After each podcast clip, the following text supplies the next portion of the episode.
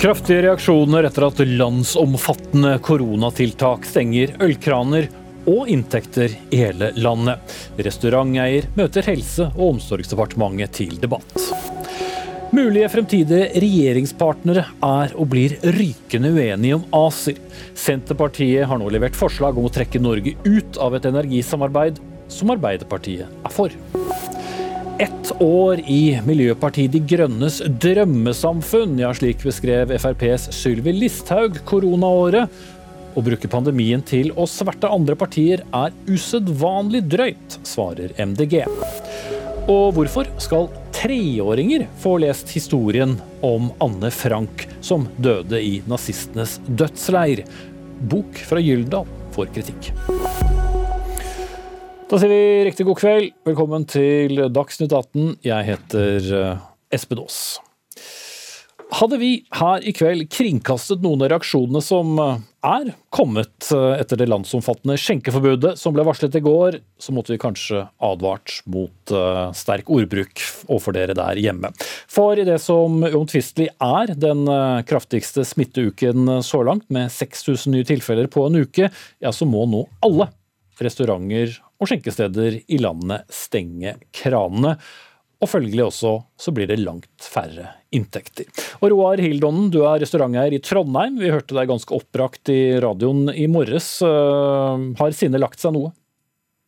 Ja, det har fått eh, roa meg litt. og Det er mye praktisk som må ordnes i løpet av en, eh, en dag. Eh, der du har altså hundrevis av mail fra gjester og, som, som avbestiller og, og, lurer på hva som skjer. og Brud som ringer og må avlyse bryllupsmiddagen og gråter i telefonen og sånne ting. Så blir du mer fortvila og frustrert enn forbanna, selvfølgelig. Og, og ja, det var en tung dag dag. Mm.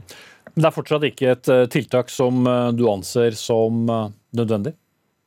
I Trondheim så føler jeg ikke i dag at det er nødvendig. og uh, vi, har jo, uh, vi har jo hatt noen, noen smitteoppblomstringer siden i mars i fjor, men det har jo vært veldig effektivt slått ned igjen. Uh, så jeg føler at Trondheim har god kontroll, og vi i bransjen har en strålende samarbeid med Trondheim kommune.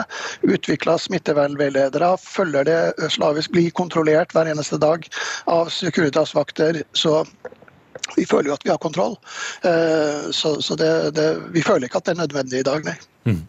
Helse- og omsorgsminister Bent Høie hadde ikke anledning til å være med i Dagsnytt 18, men eh, du trakk eh, vinnerloddet. Saliba Andreas Korkungt, statssekretær i samme departement.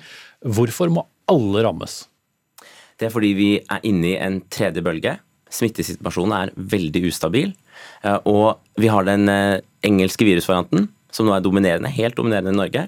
Ikke bare er den mer smittsom, den fører til mer alvorlig sykdom og død, og flere sykehusinnleggelser. Mm. Og nå har vi jo satt flere deler av landet i praksis i lockdown. Viken, Oslo-området, Haugaland, flere andre steder. Bodø er i lockdown, men det ser vi det er ikke nok. Så vi fikk et klart råd fra Helsedirektoratet og FHI at nå må vi sette inn strengere nasjonale tiltak, og det gjorde vi. Men uh, som du for så vidt uh, nesten er inne på, deler av landet har jo hatt disse tiltakene i, i lang tid. Uh, finnes det noe empiri på at det faktisk har begrenset smitten? Fordi der det har vært ulovlig å skjenke i, i lang tid, er også smitten fortsatt høyest? Akkurat eh, empirien er det nok FHI du må spørre, spørre om det om. Men eh, det vi ser er at hvis vi hadde latt smitten løpe løpsk og ikke hatt noen som helst tiltak i det hele tatt, så hadde vi fått en eksponentiell vekst. Da hadde vi fått eh, en helt uhåndterlig smittesituasjon. Det har vi jo heldigvis ikke. Men det er fortsatt en ustabil smittesituasjon. Og vi ser at hvor neste utbrudd kommer, det vet vi ikke. Og vi ser at Ålesund, Askøy, to steder som for ikke mange dager siden knapt hadde noe smitte i det hele tatt, og som nå har fått store utbrudd av den engelske viruset ordføreren. Men dette er jo da føre var-tiltak, og det betyr jo at eh, dere vet jo heller ikke om dette er eh, rett eh, ja, medisin, for å bruke det uttrykket? Alternativet til de strenge tiltakene vi setter inn nå, det er ikke at man kan eh, skjenke i alle barer oppe til tre. Livet blir helt som normalt. For vi har jo fasiten ute eh, i verden og i Europa. Og i Danmark f.eks., eh, som, som også ble dominert helt av den engelske virusvarianten, så ble det innført en lockdown allerede i desember. Fortsatt er det slik at barneskolebarn fra femte klasse oppover ikke får lov til å komme på skole i det hele tatt. Så det er klart at gjør vi ingenting, så får vi en ekstremt kritisk situasjon som vi helst vil unngå, selvfølgelig. Og derfor gjør vi dette. Vi skal eh, bevege oss eh, nordover til Tromsø. Gunnar Wilhelmsen eh, fra Arbeiderpartiet, du er ordfører der. Hvilke konsekvenser får disse nye innstrammingene hos deg? Nei, Det får store konsekvenser i den forstand at det blir flere tusen nå i reiselivsnæringa som blir permittert, og som ikke vet. De går en påskemøte og de vet ikke om de har jobb når denne lockdownen er over. Så Det er for oss skremmende. Folk er sint og kanskje ikke minst redd. Og det er det store faremomentet for oss. Mm. Og Du har stilt spørsmålet i dag om regjeringen har tillit til kommunene. Det aner meg at du har et slags svar? Ja, nei, altså det som jeg mener er at Vi har nå siden 12.3 i fjor har vi hatt mange utbrudd i Tromsø. Vi har håndtert dem på en god måte takket være det samarbeidet mellom befolkninga, helsepersonellet vårt, UNN, alle sammen har tatt del i denne dugnaden, slik at vi har slått ned smitten fort. Vi har gått i karantene hvis vi har blitt bedt om det. Vi har fulgt nasjonale retningslinjer hvis det har vært bedt om det, og vi har gått i isolasjon. Disse tingene har gjort at vi har slått ned. Nå har vi i løpet av et år tilegnet oss mye kompetanse. Vi har gjort strengere tiltak enn regjeringa, og de er mer målretta enn det blir gjort på nasjonalt nivå. Slik at når det kommer det som jeg ikke liker ordet skjenkestopp, for det er mye mer dramatisk enn som så. Det er at en hel næring blir lagt død. Det er underleverandører til f.eks. restaurantnæringa. Der har du fiskeindustrien, sjømat, eh, Eh, området blir eh, svekka betraktelig ut fra at de ikke kan levere. Er Torskeprisen er gått ned 30% pga. restaurantbransjen i Europa. Dette er konsekvenser av underleverandører, så det må vi òg ta hensyn til. Mm. Eh, både Trondheim og Tromsø er jo byer hvor de fikk smitteoppblomstring og slo det også ned igjen. Og andre kommuner har, har gjort det samme. Ser du de som føler at dere ikke har tillit til at de klarer det? Vi har veldig høy tillit til kommunene. og Grunnen til at vi har gjort det såpass bra i pandemien så langt, er fordi kommunene har gjort en helt enestående jobb. Og For to uker siden, da statsministeren skulle redegjøre, redegjøre for smittesituasjonen, så fulgte vi da, fortalte hun, at eh, nå eh, griper vi inn i enda større grad regionalt. altså Vi har jo da satt inn eh, lockdown, bl.a. som sagt i Viken. Eh, det og kommunene lokalt skal også eh, kunne gripe inn og ha veldig strenge tiltak. Jo, poenget nå er det jo nasjonale men, ja, tiltak, men, og, og, det er jo et signal om at ja, nå stoler vi ikke lenger på kommunene. Og det som ble sagt var at Hvis det er nok, til å få R-en under 1 og holde den under 1, ja, da fortsetter vi med den strategien. Og så har Helsedirektoratet FHI fulgt med fra dag til dag, time til time, og vurdert om dette er nok. Og så kom de frem til tidligere denne uken at nei, nå er det faktisk ikke nok. Nå ser vi utbrudd så mange andre steder utenfor disse områdene eh, at nå må vi innføre strengere nasjonale tiltak. Men jeg må minne om at det vil fortsatt være ekstremt mye strengere i eh, Oslo og Viken og Bodø-området bl.a. enn det det vil mm. være i Trondheim og Tromsø. Men det hjelper vel ikke på økonomien din, Hildonen, i Trondheim? Nei, det gjør det ikke. Og det hjelper definitivt ikke for de stakkars ansatte i tusenvis av bedrifter som blir kasta rett ut eh, og får 60, knapt 60 eh, lønn. Eh, og de burde definitivt, eh, Der burde regjeringa ha kommet umiddelbart, som de gjorde i mars i fjor, med 100% lønn til de ansatte. Så de hadde tatt vare på dem på en skikkelig vis. Jeg syns det er helt skammelig. Korkut. Eh, I, I, går, da Bent Høie la frem disse strengere nasjonale tiltakene, så sa han samtidig at i revidert nasjonalbudsjett så kommer vi nå med 500 millioner kroner ekstra til den kommunale ordningen som skal hjelpe lokalt næringsliv. Og Det kommer på toppen av 750 millioner som står ubrukt eh, allerede. Eh, så det er klart at det er en fortvilet situasjon for mange arbeidsplasser og næringslivet, og det gjør vi det vi kan for å, å hjelpe til. Men husk, alternativet er verre. Vi er i en tredje smittebølge. Hvis vi ikke får kontroll på dette, så vil dette være kroken på døra for veldig mange arbeidsplasser, og det vil vi unngå. Men Gunnar Wilhelmsen i, i Tromsø, ville du kunnet bære det ansvaret? Og ikke hatt Nei, altså, de eh, landsomfattende tiltakene? Ja, det må vi kunne gjøre. Altså, vi er villige til å gjøre de tiltakene som er nødvendige hvis vi får utbrudd. Vi har hatt mange utbrudd på alle områder. Faktisk Det eneste området vi ikke hadde utbrudd, det, det er i restaurantbransjen. Der har vi hatt tre tilfeller på tolv måneder. Så Der har det ikke vært utbrudd. Det som er viktigst for oss, det er jo å ha målretta tiltak. Og Det har vi truffet på så langt. Vi er veldig ydmyke i forhold til at det kan komme utbrudd. Men så langt så har vi håndtert det takket være en dugnad i Tromsø. For det må være, det må være samsvar mellom tiltakene og eh, konsekvensene. Hvis ikke det er samsvar med det, så mister vi tilliten til folket. Og det må vi ikke miste. Og det være seg enten det gjelder skole, eller det gjelder Tromsøbadet, eller det gjelder restaurantbransjen, så er vi nødt til å ha tillit hos befolkninga. Og da må det være samsvar, som sagt. Og da føler du at både dugnadsånden og tilliten nå svikter?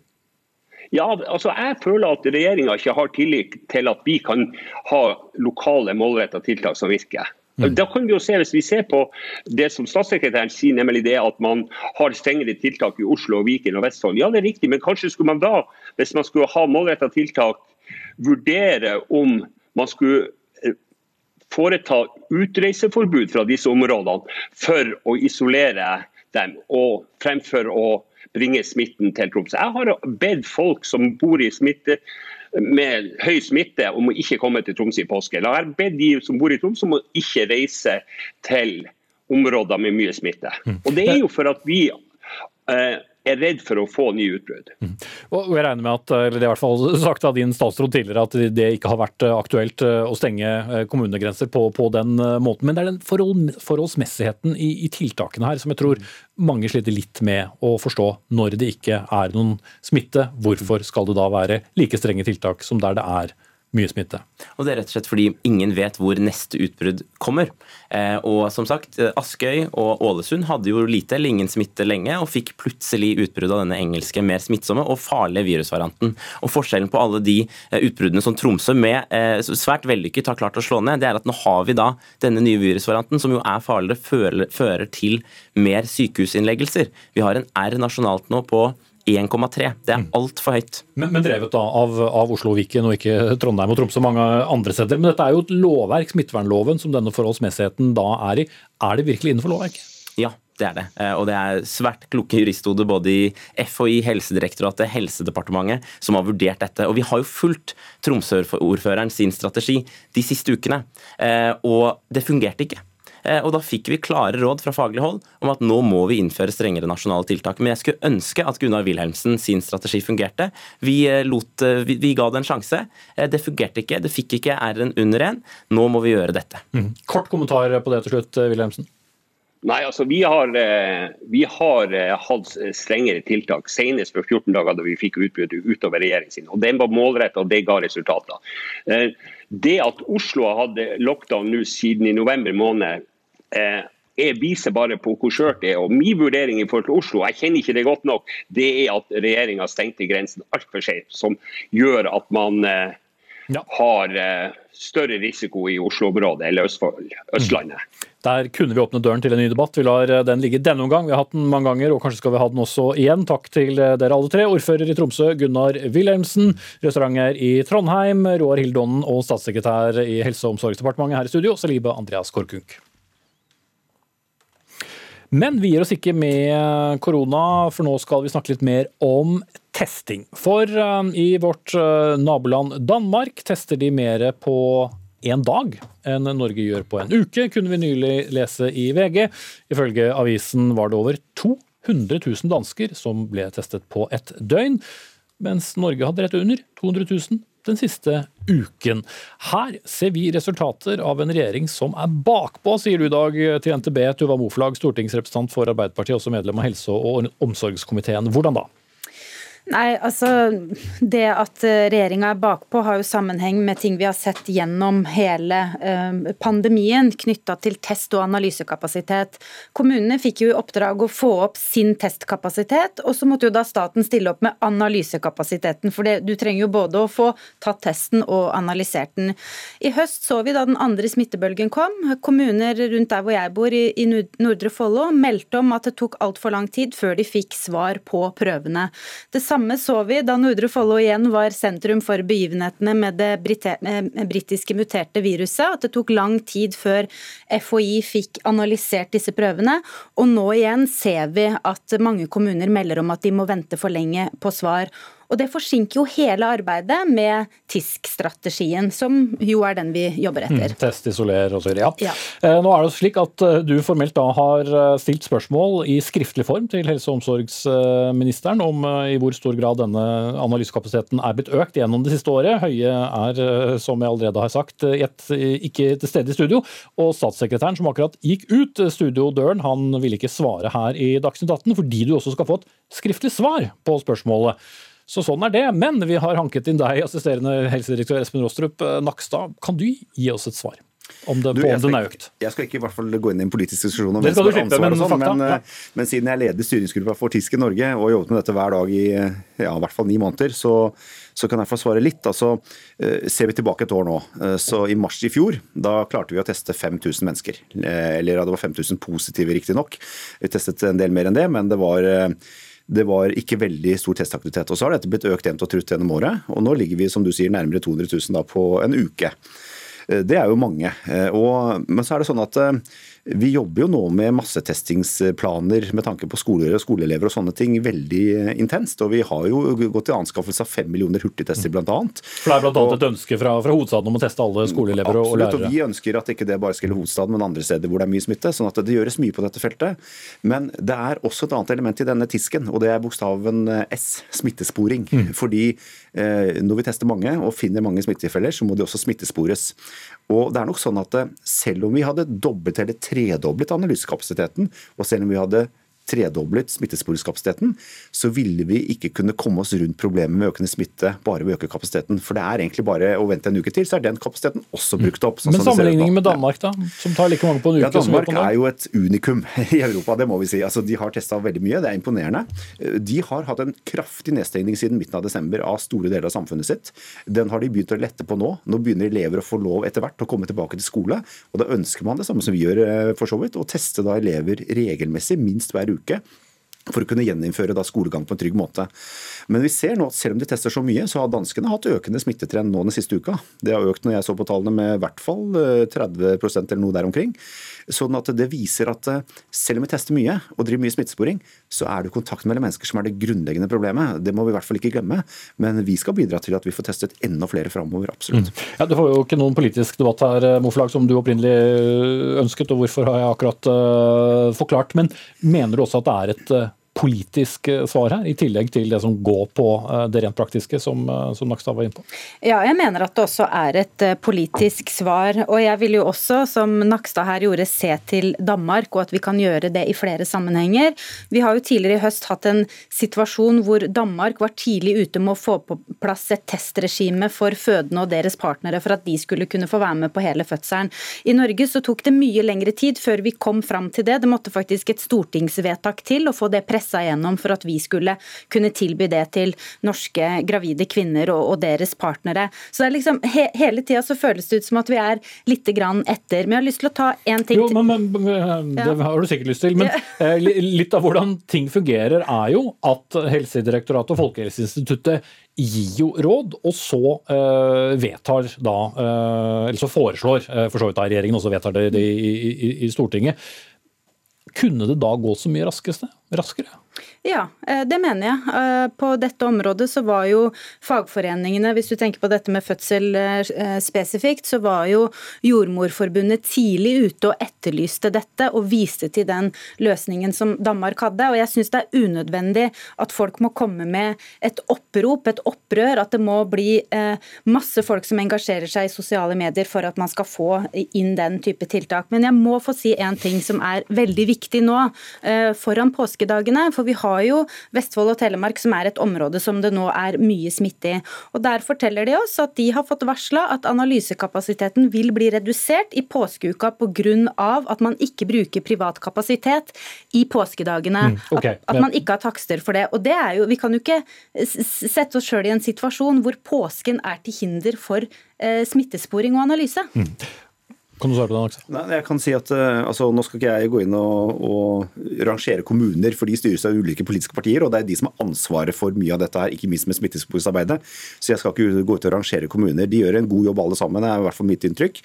Eh, og Når det gjelder da anskaffelse av ting, så er det jo vi som, eh, som kjøper inn dette med hjelp av Helse Sør-Øst. Vi ber selvsagt om penger fra regjeringen, og får penger til det. Når det gjelder da ansatte i kommunen, så er det etablert egne sånne bemanningsordninger med smittesporer og opplæringsprogram program, sånn at kommunene skal kunne hente inn flere til den type aktivitet. Eh, og Når det gjelder eh, spyttprøver og analysekapasitet, så er det også innhentet stor kapasitet fra private aktører nå, nettopp fordi at sykehuslaboratoriene er så pressa som de er. Og det som er Noe av utfordringen er at Sykehuslaboratoriene, som jo har skalert opp testvolumet enormt ut fra utgangspunktet, de har jo også nå stått i dette med virussekvensering for å påvise det britiske viruset. Og det har vært veldig ressurskrevende i tillegg. Sånn at her eh, jobber man døgnet rundt eh, det man kan med den utstyrsparken og alt det man har klart å skaffe, og reagenser og engangsutstyr og mange ting. Så det er et veldig sammensatt bilde, men det går på høygir i hele landet. Mm.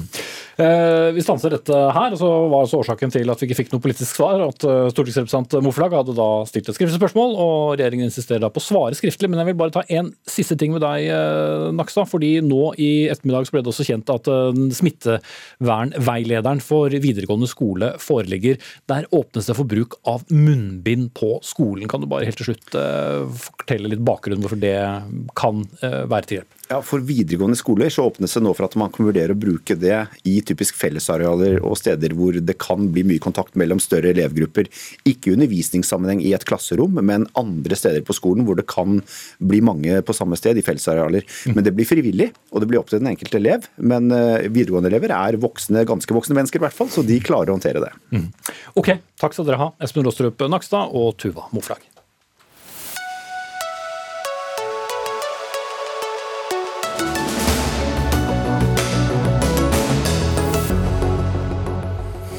Det koronastengte året vi har hatt her i Norge, ja det er drømmeåret til Miljøpartiet De Grønne, hevdet FrPs Sylvi Listhaug i en kronikk. Hun får svar på den kronikken litt senere her i Dagsnytt 18. Nå skal vi snakke om en sak som nærmest er å regne som en eh, bumerang. Den kommer stadig tilbake. Debatten om EUs energibyrå ACER. Og til tross for at eh, Norge har sluttet seg til den avtalen, så dukker debatten opp eh, igjen, bl.a. nå fordi Senterpartiet har levert inn et forslag om å skrote den. Vi skal ha en politisk debatt om litt, men denne norske tilslutningen til Agency for the Cooperation of Energy Regulators den ble vedtatt av Stortinget for tre år siden. Debatten var heftig da, debatten er heftig fortsatt. Berit Tenbakk, du er partner i Tema, som er et firma som jobber med rådgivning og markedsanalyser for nettopp energi- og transportsektoren. Dette store og kompliserte ACER har en lang forhistorie, men for alle som har glemt de fire bokstavene, hva er det egentlig dette handler om for Norges del? Ja, jeg kan jo kanskje begynne med starten på historien. Det er jo lenge, lenge før ACER ble oppretta. Eh, på, på 80-tallet allerede så begynte jo EU å jobbe med å integrere eller å skape et indre energimarked for å utnytte energien mer effektivt og for å få økt forsyningssikkerhet for mm. energi. Så hvis et land da hadde et energioverskudd, kunne de eksportere det til land som hadde et energiunderskudd? Ja. ja. Og Det var jo for å holde kostnadene nede, og også for å motvirke importavhengigheten som, som EU e var veldig opptatt av. Og Det var både på gass- og kraftområdet. da. Og så er det jo, Særlig på kraftområdet er det jo ganske komplisert å lage et marked. Det er ikke et vanlig produkt. Det er en infrastruktur og det er elektroner som vi ikke kan holde i hånda og, og, og, levere til hverandre. Så det er et ganske omfattende regelverk som skal til. Mm. og infrastruktur. Med, og infrastruktur. Så infrastrukturen ble jo skilt ut og, og eh, etter hvert eh, regulert. Vi var mye tidligere ute i Norge med å gjøre det. Og så måtte man lage et regelverk for å, for å handle med, med, med krafta.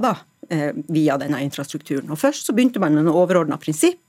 Og så viste det seg at landene lagde forskjellige regler, og da var det ikke så lett å handle med det. Så kom disse pakkene som gradvis har liksom harmonisert regelverket da, og gjort det eh, lettere å handle. Men der er vi også inne på det som er kontroversielt. For da er det et felles regelverk for EU som slik sett da trumfer det vi, eller i hvert fall noen i Norge kunne tenke seg skulle vært da et norsk regelverk som lignet mer på det vi hadde da det var et nordisk kraftmarked, som for så vidt forsvant da resten av Norden eh, ble med i, i EU. Ja. Men nå ligner jo det markedet som EU forsøker å skape, ligner jo veldig på det markedet som vi skapte i Norden, og, og Norge var først ute med. Eh, og det som skjedde etter hvert, men det som skjedde etter hvert, var jo at man måtte eh, regulere konkurransen i dette markedet. For, for det er jo veldig store energiaktører òg, ikke sant. Så man fikk etter hvert egne energiregulatorer, eller reguleringsmyndigheter for energi. Og det er disse reguleringsmyndighetene som samarbeider i ACER. Mm. Så det er et felles organ for de. Ja, Det er ikke lett, dette. Men altså, Stortinget sluttet seg da til dette for ganske nøyaktig eh, tre år siden. Og hvorfor var det så viktig at da et flertall av våre folkevalgte mente at det var bedre enn å la være? Nei, altså, ACER skal jo legge til rette. De har ansvar for at handelen over landegrensene er rettferdig. At det legges til rette for en likeverdig konkurranse. Og Det har jo tjent Norge godt, med våre energiressurser som er veldig fleksible. Vi kan bruke vannkraften til å utveksle med, vi får godt betalt for å, å eh, balansere vindkraften i Danmark f.eks. Og samtidig så har vi jo store variasjoner mellom tørrår og våtår. og Da kan vi importere når vi har tørrår, og så kan vi få eksportert overskuddet når vi har våtår. Og Da er det i vår interesse at vi møter et likeverdig marked, altså de vi handler med, Eh, konkurrerer vi på, på like vilkår med. Mm. Takk for at du var vår levende faktaboks her, Berit Tenbakk, partner i Tema. Og som allerede annonsert, det skal også bli politisk debatt av det hele. For i går så la Senterpartileder og stortingsrepresentant for Senterpartiet Trygve Slagsvold Vedum sammen med tre kolleger eh, inn det som er et Dokument 8-forslag for Stortinget, hvor de krever at Norge må melde seg ut av dette ACER-samarbeidet. Det forslaget er jeg ganske sikker på ikke kommer til å få flertall, Trygve Slagsvold Vedum, og det vet vel kanskje du også, eller? Ja, målet vårt er å ta tilbake nasjonal kontroll over energipolitikken, for det er viktig å ha en lav norsk strømpris som sikrer norske industriarbeidsplasser. Mm. men, men det Stortinget som har vedtatt uh, tilknytningen, vil vel heller ikke oppløse det nå? Det er jo det samme Stortinget? Vi får nok ikke flertall for det nå i vår, uh, men det er også en uh, frampek mot hva vi ønsker å gjøre hvis folk gir oss tillit til, i valget til høsten. Mm. Og så er det den nå er det man, eh, Arbeiderpartiet, Frp og Høyre meldte oss inn i ACER sammen med MDG. Og så er det nå en ny prosess som kalles EUs fjerde energimarkedspakke, der man skal gi enda mer makt fra norske myndigheter til, til EU. Eh, og Den er enda ikke vært til behandling i Stortinget, så vi ønsker også å få stoppa den. For det er viktig at vi har mest mulig nasjonal kontroll over kraftpolitikken. For det har vært en suksess for Norge at vi har brukt norsk kraft, og bygge norsk industri og, og ha en lav norsk strømpris. Men Arbeiderpartiet er jo for dette, som annonsert. Og Espen Barth Eide, miljøpolitisk talsperson. Eh, her mener du rett og slett at eh, Senterpartiet sløser energi?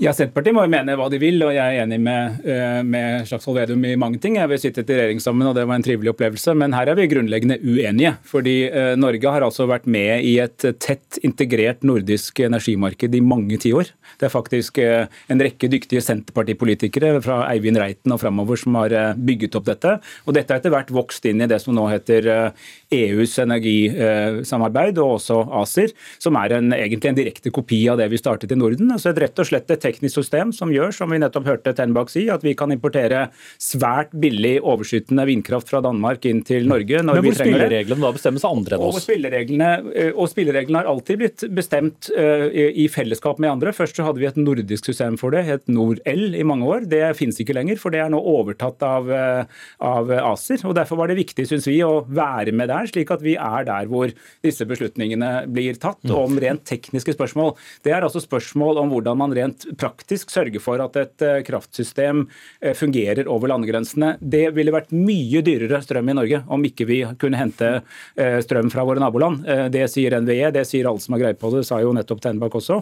Det er faktisk slik at et samarbeid om energi øker forsyningssikkerheten, og det øker altså, det, det, jevner ut priser. og Det betyr at vi kan bidra ut og vi kan få inn. og vi, Hver eneste natt omtrent importerer vi strøm fra andre land. Hver eneste dag selger vi litt ut, og dette varierer over året. Og Da må jo noen organisere dette. Det ble snøftet på andre siden av bordet. Men hva er alternativet? Ja, men Arbeiderpartiets representant sier at alle som har greie på kraftpolitikk, er enig med han. Altså Hele LO er uenig med han. Industri og Energi har ikke vært krystallklare på det. LO har vært krystallklare på det, for de har, de har, jo lest hva som faktisk ACERs mål er. Det er likest mulig energipris i Europa. Målet er et felles integrert marked med mest mulig lik strømpris. Mm. Men, men alternativet som jo, men du vil da er jo da veldig viktig. For hva er en lik strømpris? I fjor så hadde Tyskland litt over dobbelt så høy strømpris som Norge i snitt.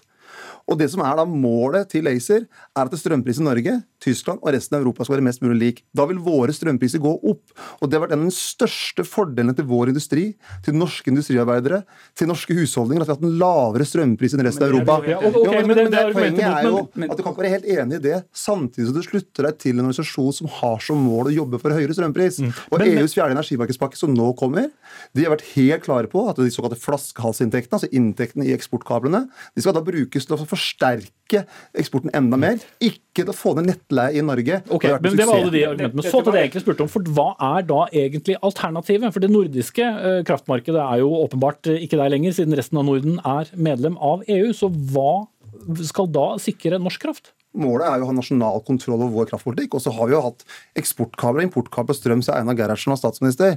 Så vi skal men jo ha han, jo, men Da styrer vi også vår kraftpolitikk. Vi må ikke bli så naive i Norge at vi gir fra oss en av de største fortrinnene vi har.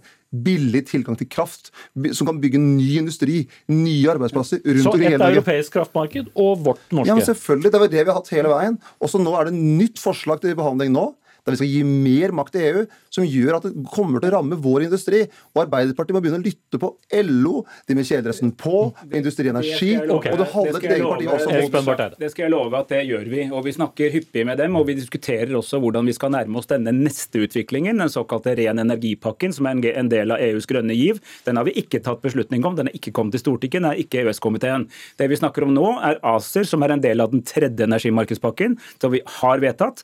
Og, og da lurer jeg på, Mener Trygve Slagsvold Vedum at strømprisen i Norge har gått opp etter at vi ble med i ACER, eller mener han det ikke har det påvirket strømprisene i det hele tatt? For det tror jeg jeg har et svar på, men jeg lurer på hva ditt svar er. Vi har vært helt tydelige på det hele veien med hva som kommer til å skje. For at vi, når vi først meldte oss inn i ACER takk, takk, Skjedde det, skjedde det Trygve Slagsvold Vedum? MDG, Frp, Høyre og Arbeiderpartiet. Strømprisene varierer fra år til år. Hvorfor det? Jo, fordi at det er ulik vær, ulike kulde. Men, men så er hele formålet til ACER, og det er de helt krystallklare på, Barth Eide, er at de ønsker å utjevne strømprisene og utjevne eksportkablene. Og de skal gå inn og kunne styre våre beslutninger. Og det er jo det du må ta på alvor hvis du melder deg inn i en organisasjon så må du enten være uenig eller enig i formålet. Er du enig i formålet til, til, til ACER, da? Der det skal være et mest mulig integrert strømmarked, likest mulig strømpris. Og så er det, det er jo, jo, men altså, en ting er ikke mange argumenter av gangen. Hvis Bestemort er først svarer på det spørsmålet han egentlig stilte til uh, Trygve Slagsvold Vedum, og så hvorvidt du er enig i da denne uh, bestemmelsesretten. Jeg har vært tilhenger av et integrert strømsystem uh, alltid, og det har vi hatt i Norden. Og det har vi altså fått til å fungere veldig bra. Det betyr at vi tilbud og etterspørsel, vi henter inn og vi selger ut, og strømmen går begge veier hele tiden. Det må reguleres av noen mm. teknokrater som skjønner hvordan strøm virker. Det er det ACE driver med. og, og det retoriske spørsmålet til Vedum var at kraftprisen har vært lav lav, men det var vel ikke alene pga. ACER? Det hadde vel også med varme temperaturer i Norge å gjøre? Det er helt riktig, programleder. Det er nemlig det. det, det fordi mitt poeng er at nå har vi vært med et par år i ACER. Strømprisen er overhodet ikke påvirket, verken opp eller ned. Hvis jeg var en, mer av en slugger enn jeg faktisk er, så kunne jeg sagt at 2020, første året etter vi ble med, har vi hatt den laveste strømprisen på ti år, for det er sant. Men det er ikke pga. ACER, det er pga. været. Som, og når det var høye priser i februar, så er det også pga. været. Fordi det har ikke skjedd noe med det norske kraftsystemet overhodet etter at vi ble med i ACER. Det eneste som skjer, er at vi er formelt tilknyttet et system som binder sammen alle de landene rundt oss, som vi i mange år har solgt strøm til og kjøpt strøm fra, avhengig av hvordan markedet fungerer. Så mye av det Slagsvold Vedum sier er rett og slett feil. Det er ikke feil, det, det, er ikke, det er ikke feil i det hele tatt. Jeg har bare sitert direkte bl.a. fra Industri og Energi sin egen, egen høringsuttalelse, som har plukka sine kunnskaper fra ACER, for som er så krystallklare på at målet er mest mulig strømpris. Og Derfor så kommer nå EUs fjerde energimarkedspakke, som du kaller ren energipakke. Det er det, neste trinnet som nå kommer inn. Og der er jo det som er Hovedpoenget der er at EU skal ta over kontrollen over hvordan flaskehalser inntektene skal brukes. Det står direkte i regjeringas sitt eget høringsuttalelse. Og det fører til at nettleien kommer til å gå opp i Norge. Jo, jo, jeg vil bare ha på, på, på en ting, og det er at hvis, hvis, dere nå danner regjering til høsten, som er ditt, din drømmeregjering, dere to, du vil også ha med SV, som er like litt begeistret for EU for så vidt, da, Espen Barth. Altså, hvor viktig kan en sånn sak bli? For uenigheten her er jo enorm. Det er enormt viktig at vi har nasjonal kontroll over energipolitikken. For det har vært suksessen til Norge. Ikke at den naive EU-tilnærminga som Espen Barth Eide har nå, men at man har hatt nasjonale strateger som har brukt Da må du ha flertallet i Stortinget. Ja, og da har vært Punkt nummer én så må vi stoppe mer maktoverføring med EUs fjerde energimarkedspakke. Altså, Kjempeviktig. Og så må vi ta mest mulig kontroll tilbake.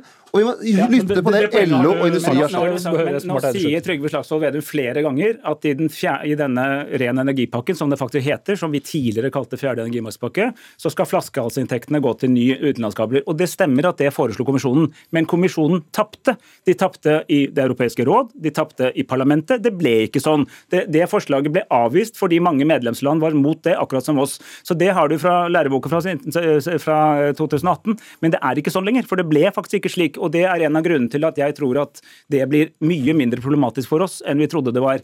Men vi har jo ikke bestemt oss for ren energipakken. Den har ikke kommet til EØS, den har ikke kommet til Stortinget. Vi kommer til å gå seriøst inn i den, for vi vil heller ikke at vi skal ha høyere strømpriser i Norge. Eh, vi vil tvert imot ha rikelig ren og, og rimelig kraft til norsk industri. Og vi vil bare ha et energisamarbeid som styrker det. Og det mener vi at det gjør. Det gjorde det i den nordiske epoken, det gjør det i den europeiske epoken. Så der er vi enige. Men påstanden om hva som kommer i denne pakken er rett og slett beviselig galt. Ok, Jeg så på spillet sånn. at du gjerne ville komme med Ja, nytt argument der, Slagsvold Vedum, men jeg setter eh, strek til dere begge to. Leder av Senterpartiet, Trygve Slagsvold Vedum, og Espen Barth eh, Eide, stortingsrepresentant fra Arbeiderpartiet. Og det er vel ikke mulig at denne bumerangen av en sak kommer innom dette studio enda en gang.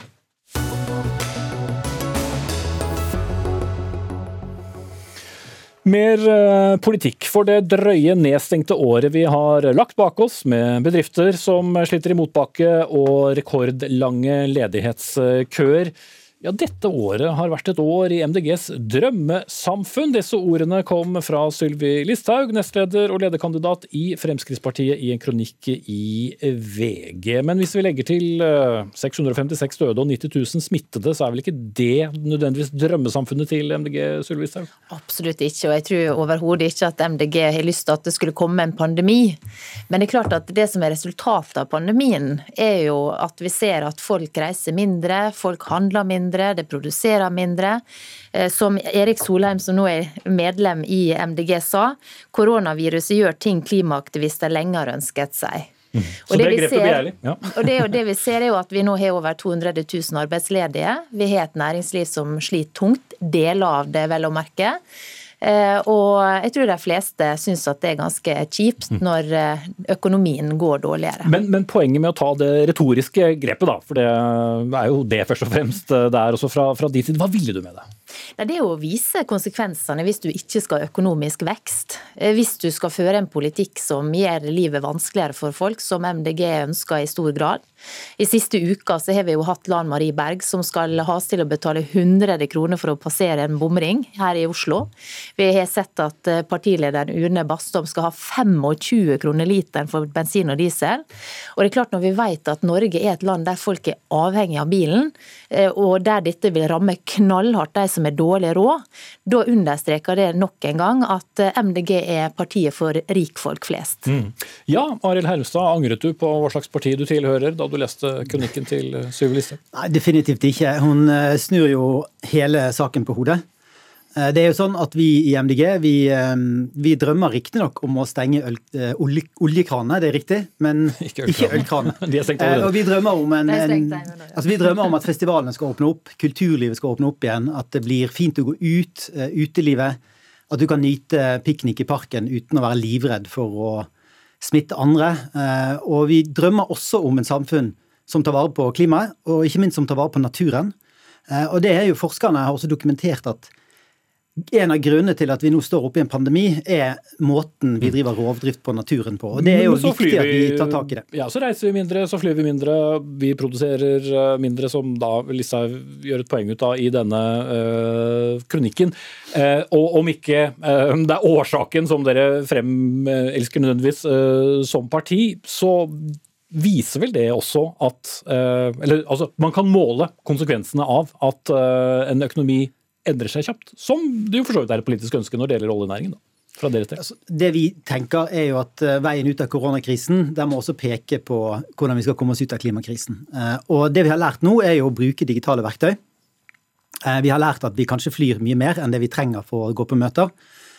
Vi har lært at det fins smartere måter å gjøre ting på. Jeg tror mange er glad for at de har oppdaget nærnaturen sin, at de har tilgang til nærnatur. Jeg tror mange er glad for at de opplever ferielandet Norge som veldig bra. Eh, Og så tror jeg mange er glad i Så sine disse tingene kan gjerne bestå, eh, i hvert fall når det gjelder mindre reising, mindre eh, utslipp og mindre produksjon av varer og tjenester, som jo også er en ting dere ønsker dere. Men, men Sylvi Listhaug, du tilhører jo da, ja, ikke akkurat om dagen, så stort parti på, på meningsmålingene, men eh, landets tredje-fjerde største parti. Arild Hermstad tilhører et parti som er et av de minste på Stortinget. Når du, som tilhører et såpass eh, stort parti, velger å bruke så mye tid på MDG, hva forteller det oss? Er du redd for det? Nei, Det forteller jo det at eh, jeg ikke ønsker at de skal få makt i Norge. og Det, det som er veldig rart nå, at eh, sånn som Senterpartiet da velger faktisk MDG foran Fremskrittspartiet som samarbeidspartnere. og Det tror jeg veldig mange syns er rart. Og det er klart at Å legge ned oljenæringa vil jo være helt dramatisk. Det er altså 200 000 arbeidsplasser vi snakker om. Den mest lønnsomme næringa landet har. Og Det å stenge ned produksjonen i Norge vil da føre til at vi blir fattigere. Mm. Men, men, men, du velger det partiet som en, som en viktig motstander? I, i Saudi-Arabia og i styresett i Russland og andre land som bare kan skru opp litt produksjonen, vil være meget godt for, jo, jeg, jeg, men for klimaet er det negativt. Altså, man ville jo tenkt at f.eks. Senterpartiet, som har rappet masse velgere fra deg, Arbeiderpartiet er jo for så vidt eh, har heller ikke sine beste dager med dette. Jeg vil jo tro at det var viktigere partier eh, for Fremskrittspartiet å krysse klenge med, men du velger MDG? Ja, men du vet, For Fremskrittspartiet så er dette med formynderpolitikk noe av det verste som finnes. Det bare sitter i ryggmargen vår. Dette med at du skal styre folk for å ikke kjøre bil, ikke fly. Man skal til og med blande seg opp i hva folk skal spise. Man skal ha slutt på at folk skal spise kjøtt. Og, og, og, til og med internt i MDG så snakker vel, snakker vel man nå om kjøttmoralisme eller moralisme. Oh, okay. ja, det, var, det var mange så, eksempler. Så det er mange ting å ta mm. tak i, og da, da, må vi bare få lov til å si fra. fordi at dette er... Tar du det som et kompliment, Hermstad? Nei, altså jeg, jeg, er jo veldig bekymret for at Frp skal få makten og sitte i regjering en gang til. Det ønsker vi oss virkelig ikke. Eh, det er jo oppskriften på at vi kommer til å oppleve å få dårlige konsekvenser av store globale miljøproblemer senere. Eh, de Eh, der vi trenger å ta tak i tiltak for å kutte klimagassutslippene, så er løsningen til Frp det er å fjerne miljøavgiftene.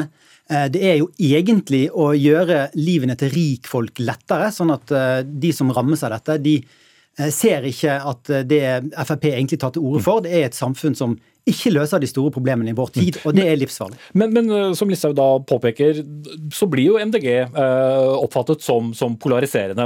Listet man for opp forslag som har kommet til deres eh, landsmøte, og det er mange forslag som kommer før landsmøtet som ikke blir vedtatt eh, politikk. Men det er jo ikke bare Fremskrittspartiet som oppfatter en del av forslagene deres som eh, polariserende. Men er det, er det riktig vei å gå for å få gjennomført politikk? Jeg tror jo at det er politikerne som har sviktet aller mest i miljøpolitikken. Veldig mange nordmenn er klar for å være med på radikale miljøgrep. Eh, store deler av næringslivet står klare. Vi har masse grønne gründere som ønsker å komme i gang. Men det vi ser er jo at denne regjeringen med Frp sin hjelp de prioriterte oljenæringen over alle andre næringer eh, når koronakrisen kom. Og det er det vi har opplevd gang på gang, at de, de svikter eh, det grønne når det kommer en krise. Og det, Vi må gjøre det motsatte. Vi må bruke pengene på en smart måte som peker veien ut av klimakrisen. Og da er også dette med at vi må gjøre noe med oljeavhengigheten til Norge helt presserende.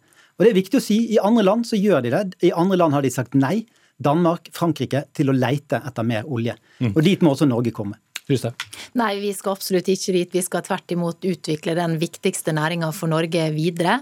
Og jeg mener det MDG står for, det er ekstrem politikk som skal bidra til å, å piske og plage folk på mhm. plass. Og det hender jo dere blir beskyldt for, for å være ekstreme. Ja, men de rydder veiene for uh, rikfolka, sånn at de kan kjøre der alene. For det er, ingen, altså det er få som har råd til å betale så mye.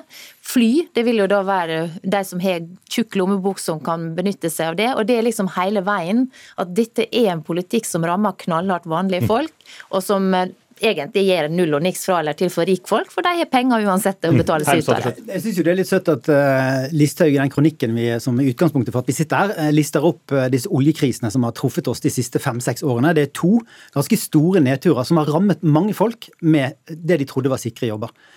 Listhaug sin oppskrift for å løse dette, ja, det er faktisk å kaste enda mer penger etter oljenæringen. Si at vi skal satse enda mer på den. Samtidig som hun jo snakker mellom eh, Riktignok med ganske dårlige klimaplaner, så har de jo sagt at de er interessert i å kutte klimagassutslippene i Norge. Og oppskriften på å gjøre oljen til eh, verdiløs, det er at vi løser klimaproblemet. Så hvorfor hun både vil satse enda mer på noe som er så usikkert som oljejobbene, og samtidig som hun etter hvert har begynt å bli enige om at hun skal løse klimaproblemet. Jeg skjønner ikke hvordan de to tingene går. Og Du ville sikkert forklart det, men vi har brukt mye tid på dere nå. Eh, og så tror jeg dere fikk sagt ganske mye begge to, men du verden så uenige dere er. Sylvi Listhaug fra Fremskrittspartiet, Arild Hermstad fra MDG.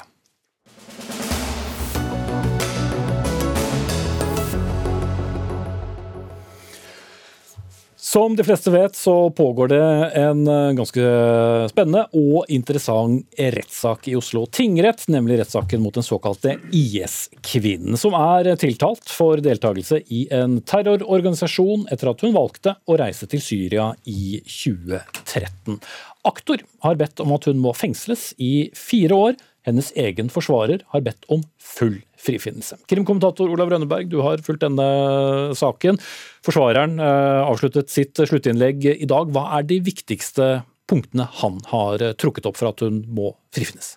Ja, Advokatene mener jo at hun da er utsatt for menneskehandel. Det er deres hovedargument. At hennes menneskerettigheter er krenket. At hun ble utnyttet i en sårbar situasjon eh, gjennom at hun ble tvunget til husarbeid, utsatt for overgrep, utsatt for vold. De mener summen av dette eh, minner mest om menneskehandel. De sammenligner faktisk hennes situasjon med en slavelignende tilstand. Hun er et offer? Eh, hun er et offer i høyeste grad, mener de. Og de mener derfor at dette må føre til frifinnelse, selv om retten da i utgangspunktet skulle komme til at hun har bidratt i, i IS, så mener forsvarerne at hun da eh, fikk rettighetene sine såpass krenket at hun uansett må frifinnes. Men øh, tiltalen den har jo da en strafferamme på, på seks år. Aktor ber om fire. Hvordan tolker vi det? Aktoratet rister jo nærmest på hodet over dette med menneskehandel. De fikk høre om dette denne uken og stusset nok litt over det. Eh, de mener at fire år må til. Egentlig mener de at fem års fengsel må til, men de trekker fra ett år i strafferabatt eh, fordi hun har bidratt til sakens opplysning. Hun har lagt kortene på bordet, forklart seg om egen rolle, og kanskje enda viktigere, hun har gitt verdifull informasjon om andre IS-krigere, også om andre nordmenn som fortsatt befinner seg i området. Eh, det kaller man da verdifull etterretningsinformasjon for eh, PST. Og akkurat det er jo også eh, spennende, for det kan jo komme nye saker. Denne saken går da først. Eh, så slik sett, hvor, hvor avgjørende og viktig kan den bli? Altså Ingen saker er jo for all del like, men denne vil vel nødvendigvis få en slags føring? Denne saken kan få betydning på flere måter eh, for de som er igjen. Så vidt vi har brakt i erfaring, så er det i alle fall fem kvinner og syv barn som kan knyttes til Norge, som fortsatt befinner seg i leire i Syria eller der i området. Og det er klart De følger jo med på dette nå. Hvis denne kvinnen skulle få en streng rettskraftig dom på fire års fengsel, eh, så gjør det kanskje det mindre aktuelt for de å, å komme hjem. Eh, og samtidig, hvis dette med menneskehandel skulle få gjennomslag, og den dommen blir stående, så vil jo de kunne argumentere på samme måte. Så dette er upløyd juridisk mark, og denne saken kan skape presedens. og Derfor er det også ventet at den vil gå oppover i rettssystemet her i Norge. Ingen tror at den saken vil stanse i tingretten uansett utfall her. Mm, så det kan fort komme både en runde to eh, og, en runde tre som da blir siste. Men når kan vi få da i så fall den første dommen. Nå har dommerne trukket seg tilbake for å, for å bli enige og, og, skrive denne dommen i tingretten. Det skal de bruke en måneds tid på. 4. Eh, mai er det varslet domsavsigelse. Da må jo da kvinnen møte i tinghuset, få dommen lest opp og, og, ta stilling til hva hun skal gjøre videre. og Det skal jo for så vidt også påtalemyndigheten da gjøre. og Da får vi vite da om de har fått gjennomslag for dette med menneskehandel. I, gang, I, så fall vil det være første gang i Europa eh, at man får gjennomslag for at en kvinne som frivillig reiste til dette krigsområdet, var et menneskehandeloffer. Mm. Så her eh, er det ikke bare norske øyne, men også kanskje internasjonale øyne som, eh, som, kommer til eh, å følge med. Jeg har blitt kontaktet i dag av utenlandske journalister faktisk, som har fattet interesse i nyere tid for denne saken, for denne rettssaken, og som lurer på detaljene i den. da. Også fordi de sitter jo med borgere i disse leirene. Også lignende debatter pågår der som den vi har hatt i Norge. Mm. Takk skal du ha, Olav Rønneberg. En sak som har fått mye omtale. Ikke minst også fordi et parti som var inne i studio her litt tidligere i sendingen, Fremskrittspartiet, gikk jo ut av regjering pga. Eh, at denne kvinnen og barnet ble hentet hjem til Norge.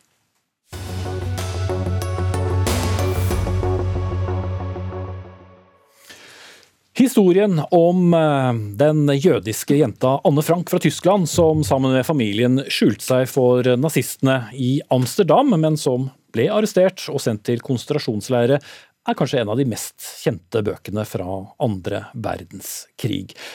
Men passer den for barn ned i tre til seksårsalderen? Vel, det mente iallfall forlaget Gyldendal, som inkluderte historien om Anne Frank i en bokserie med navn Små folk, store drømmer. Men dette har fått kritikk fra flere hold, både fra forfatter Henrik Hovland, som ikke kunne være med oss eh, her i studio, men også dere ved Jødisk museum i Oslo, der du er faglig leder, Mats Tangestuen. Hvorfor skal ikke barn i 36-årsalderen eh, bli kjent med Anne Frank? Nei, altså Vi mener at å komme inn på det med altså historien om holocaust, det er for tidlig for barn for tre til seks. Eh, det er flere ting ved boka som jeg reagerer på der, men det er, eh, det er for mange spørsmål som forblir ubesvart for et barn som er fra tre til seks år. Eh, og det som har vist seg å vært et problem i Norge også når det gjelder skolebarn, det er at man første møte med det jødiske, det er holocaust. Eh, mens vi mener jo da at for, altså for, det går helt fint å lære både barnehagebarn og, og mindre barn om, om, det jødiske, men da igjen det jødiske kultur, lære om eh, matskikker, vite hva, hva, det vil si å være jøde. Mm. Disse tingene forklares ikke. Her hopper man rett inn i en, en historie som er ganske voldsom, egentlig. Selv om uh, selv om det kanskje ikke utbroderes så mye i boken. Nei, Det er jo først og fremst slutten av boken som kanskje er det voldsomme. Det er jo ikke en bok med en, eh, en lykkelig slutt, uten å spoile dette for noen. Men hoveddelen av boken handler jo veldig mye om det å forholde seg til uh, hverandre i en, uh, i en familie. Kan ikke det være viktig?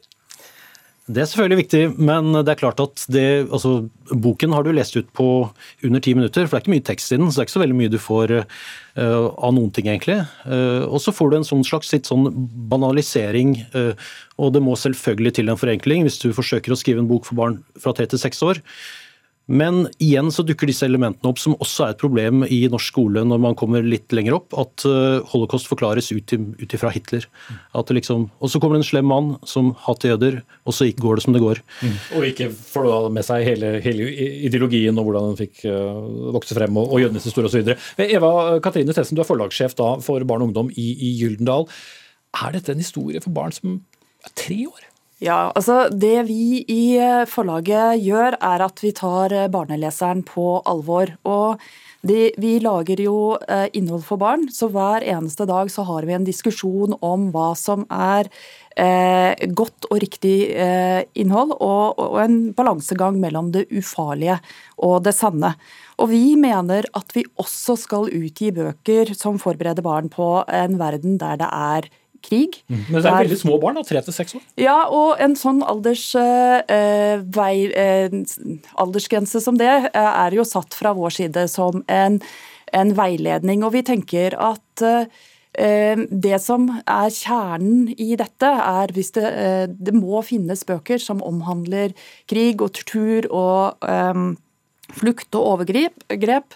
Selv for barnehagebarn? Selv eh, for uh, små lesere. Fordi den formidlingen som skjer når, når uh, foreldre og uh, skolelærere leser sammen med barn, skal jo da være i en trygg ramme. Og så skal man ha en god samtale etterpå som er tilpasset barnets modenhet og alder. Mm. Og vi, ja. vi, har tillit til at, at alle temaer kan behandles selv for små barn. Når passer den historien sett med deres øyne, Tangstuen? Jeg syns at historien om Anne Frank eh, passer best eh, å leses når eh, man når den alderen hvor man, altså hvor Anne Frank var sjøl når hun skrev boka si. Jeg ga boka, altså Anne Franks dagbok til min datter når hun var 13 år. Og men på Jødisk museum i Oslo så har vi også programmer for eh, barn helt ned til fem år, men de er, nei, unnskyld, femte klasse. Eh, de er veldig tilpassa, eh, og det er først fra åttende klasse, altså når barna er 13 til 14 år. Så dette er altfor tidlig? Ja, det er altfor tidlig. Det er jeg helt overbevist om. og jeg, altså Barn har ikke, de har ikke et grunnlag for å forstå disse ordene som er der.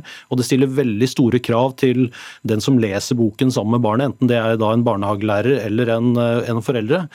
Og det er ikke Jeg, jeg, jeg tror at i i mange tilfeller så, så, vil ikke de komme med de gode, gode, svarene på de spørsmålene heller. Mm. Men Tessen, Hvis du går i en bokhandel hvor det jo står eh, alderssegmenter da, for forskjellige bøker, så er det jo veldig mye snakkende dyr og store farger og helt andre typer historier som gjerne anbefales for barn. Så det virker jo litt overraskende på noen at uh, denne historien også skulle ja, rettes inn. Men, men, eh, det er i Norge en tradisjon for uh, at vi kan uh, Det er mange prisbelønte bildebøker som tar opp alvorlige temaer. Forfatteren Gro Dale sammen med Svein Juhus og Kaja Dale Nyhus er jo et, har utgitt en hel rekke rekke eh, med eh, samtalebøker om eh, vanskelige, men viktige temaer. Og vi mener at denne boken også går inn i det. Men hvis jeg skulle ta og tenke litt på den debatten som har pågått den siste uken, så ville jeg gjort følgende annerledes. og det er at Jeg ville tatt denne boken, så ville jeg f.eks. henvendt meg til Jødisk museum og så hadde jeg sagt kan dere lese gjennom denne og gi meg en tilbakemelding. Og så ville jeg lyttet nøye til argumentene fra den lesningen. Jeg ville fortsatt uh, utgitt den, men jeg ville tatt, hensyn, hensyntatt argumentene, og jeg ville vært varsom i markedsføringen av denne boken. Fordi det skal sies at vi la denne boken inn i en, en eh, serietekst som var rett og slett umusikalsk, og det har vi rettet opp i nå. Mm. Men rådet fra dere ville da fort være ikke gi den ut i, i hele tatt, men, men, hvis den likevel skulle gitt ut, hva, hva, hva kunne vært gjort annerledes i så fall? Nei, altså jeg mener at den ikke burde vært eh, gitt ut. Eh, og jeg eh, mener at det kunne kanskje hjulpet på å ha en slags leserveiledning altså for den voksne som leser boka for barna. Fordi det står en historie på slutten her som egentlig er helt lik det som står i selve boka. Men jeg tenker at barn må ha noe de kan relatere seg til, og det er lite i den boka der, tror jeg, barn klarer å relatere seg til. Det er altfor mye du må forklare. Uh, og jeg mener igjen, Det første møtet med de jødiske bør ikke være holocaust. og Når man kommer til den biten, så passer det også veldig godt å ta tak i de historiene vi har her i Norge. Jeg har passert flere snublesteiner på vei hit i dag. Mm. Men det, eh, det, som ikke Eh, denne historien som fortelles i denne boken, er ikke nødvendigvis eh, det er ikke historien om Anne Franks død. Det er historien om hennes drømmer, hennes ønske om å bli forfatter, hennes ønske om å bli lest og husket. Så det mm. at hun, Som originalboken, da, for så vidt. Ja, ikke sant? Og det er den historien som fortelles. Det skal jo også sies at i debatten så har det jo vært to, i hvert fall to stemmer fra det jødiske miljøet, og, den, eh, så, så, og de har gitt til, til dels motstridende Eh, tilbakemeldinger på om dette var lurt eller ikke lurt fra vår side. Så det gir i hvert fall meg et signal på at dette her er en vanskelig sak, og at ved neste eh, korsvei så hadde jeg eh, forhørt meg med f.eks. Eh, Jødisk museum. Mm. Men fortsatt gitt den ut? Men fortsatt gitt den ut. Mm. Kommentar til slutt, Tangsen? Nei, det må jo forlaget stå for. Igjen så tenker jeg at det viktigste for meg er at det første møtet med de jødiske, og f.eks. for, for barnehagebarn, bør ikke være holocaust. Eh, det fins gode undervisningsopplegg både på Jødisk museum, Holocaust-senteret, nettressurser, bøker, som eh, gir en bedre inngang til dette her. Eh, et av spørsmålene barnet vil stille her nå, hva, hva er en jøde? Mm. Ja. Ja, det blir ikke besvart slik du setter for deg. Eh, tiden vår er over. Takk til Mats Tangesund fra Jødisk museum og Eva Katrine Tessen fra Gyldendal. Jarand Ree Mikkelsen var ansvarlig for innholdet i dagens eh, sending. Eh, jeg heter Espen Aas.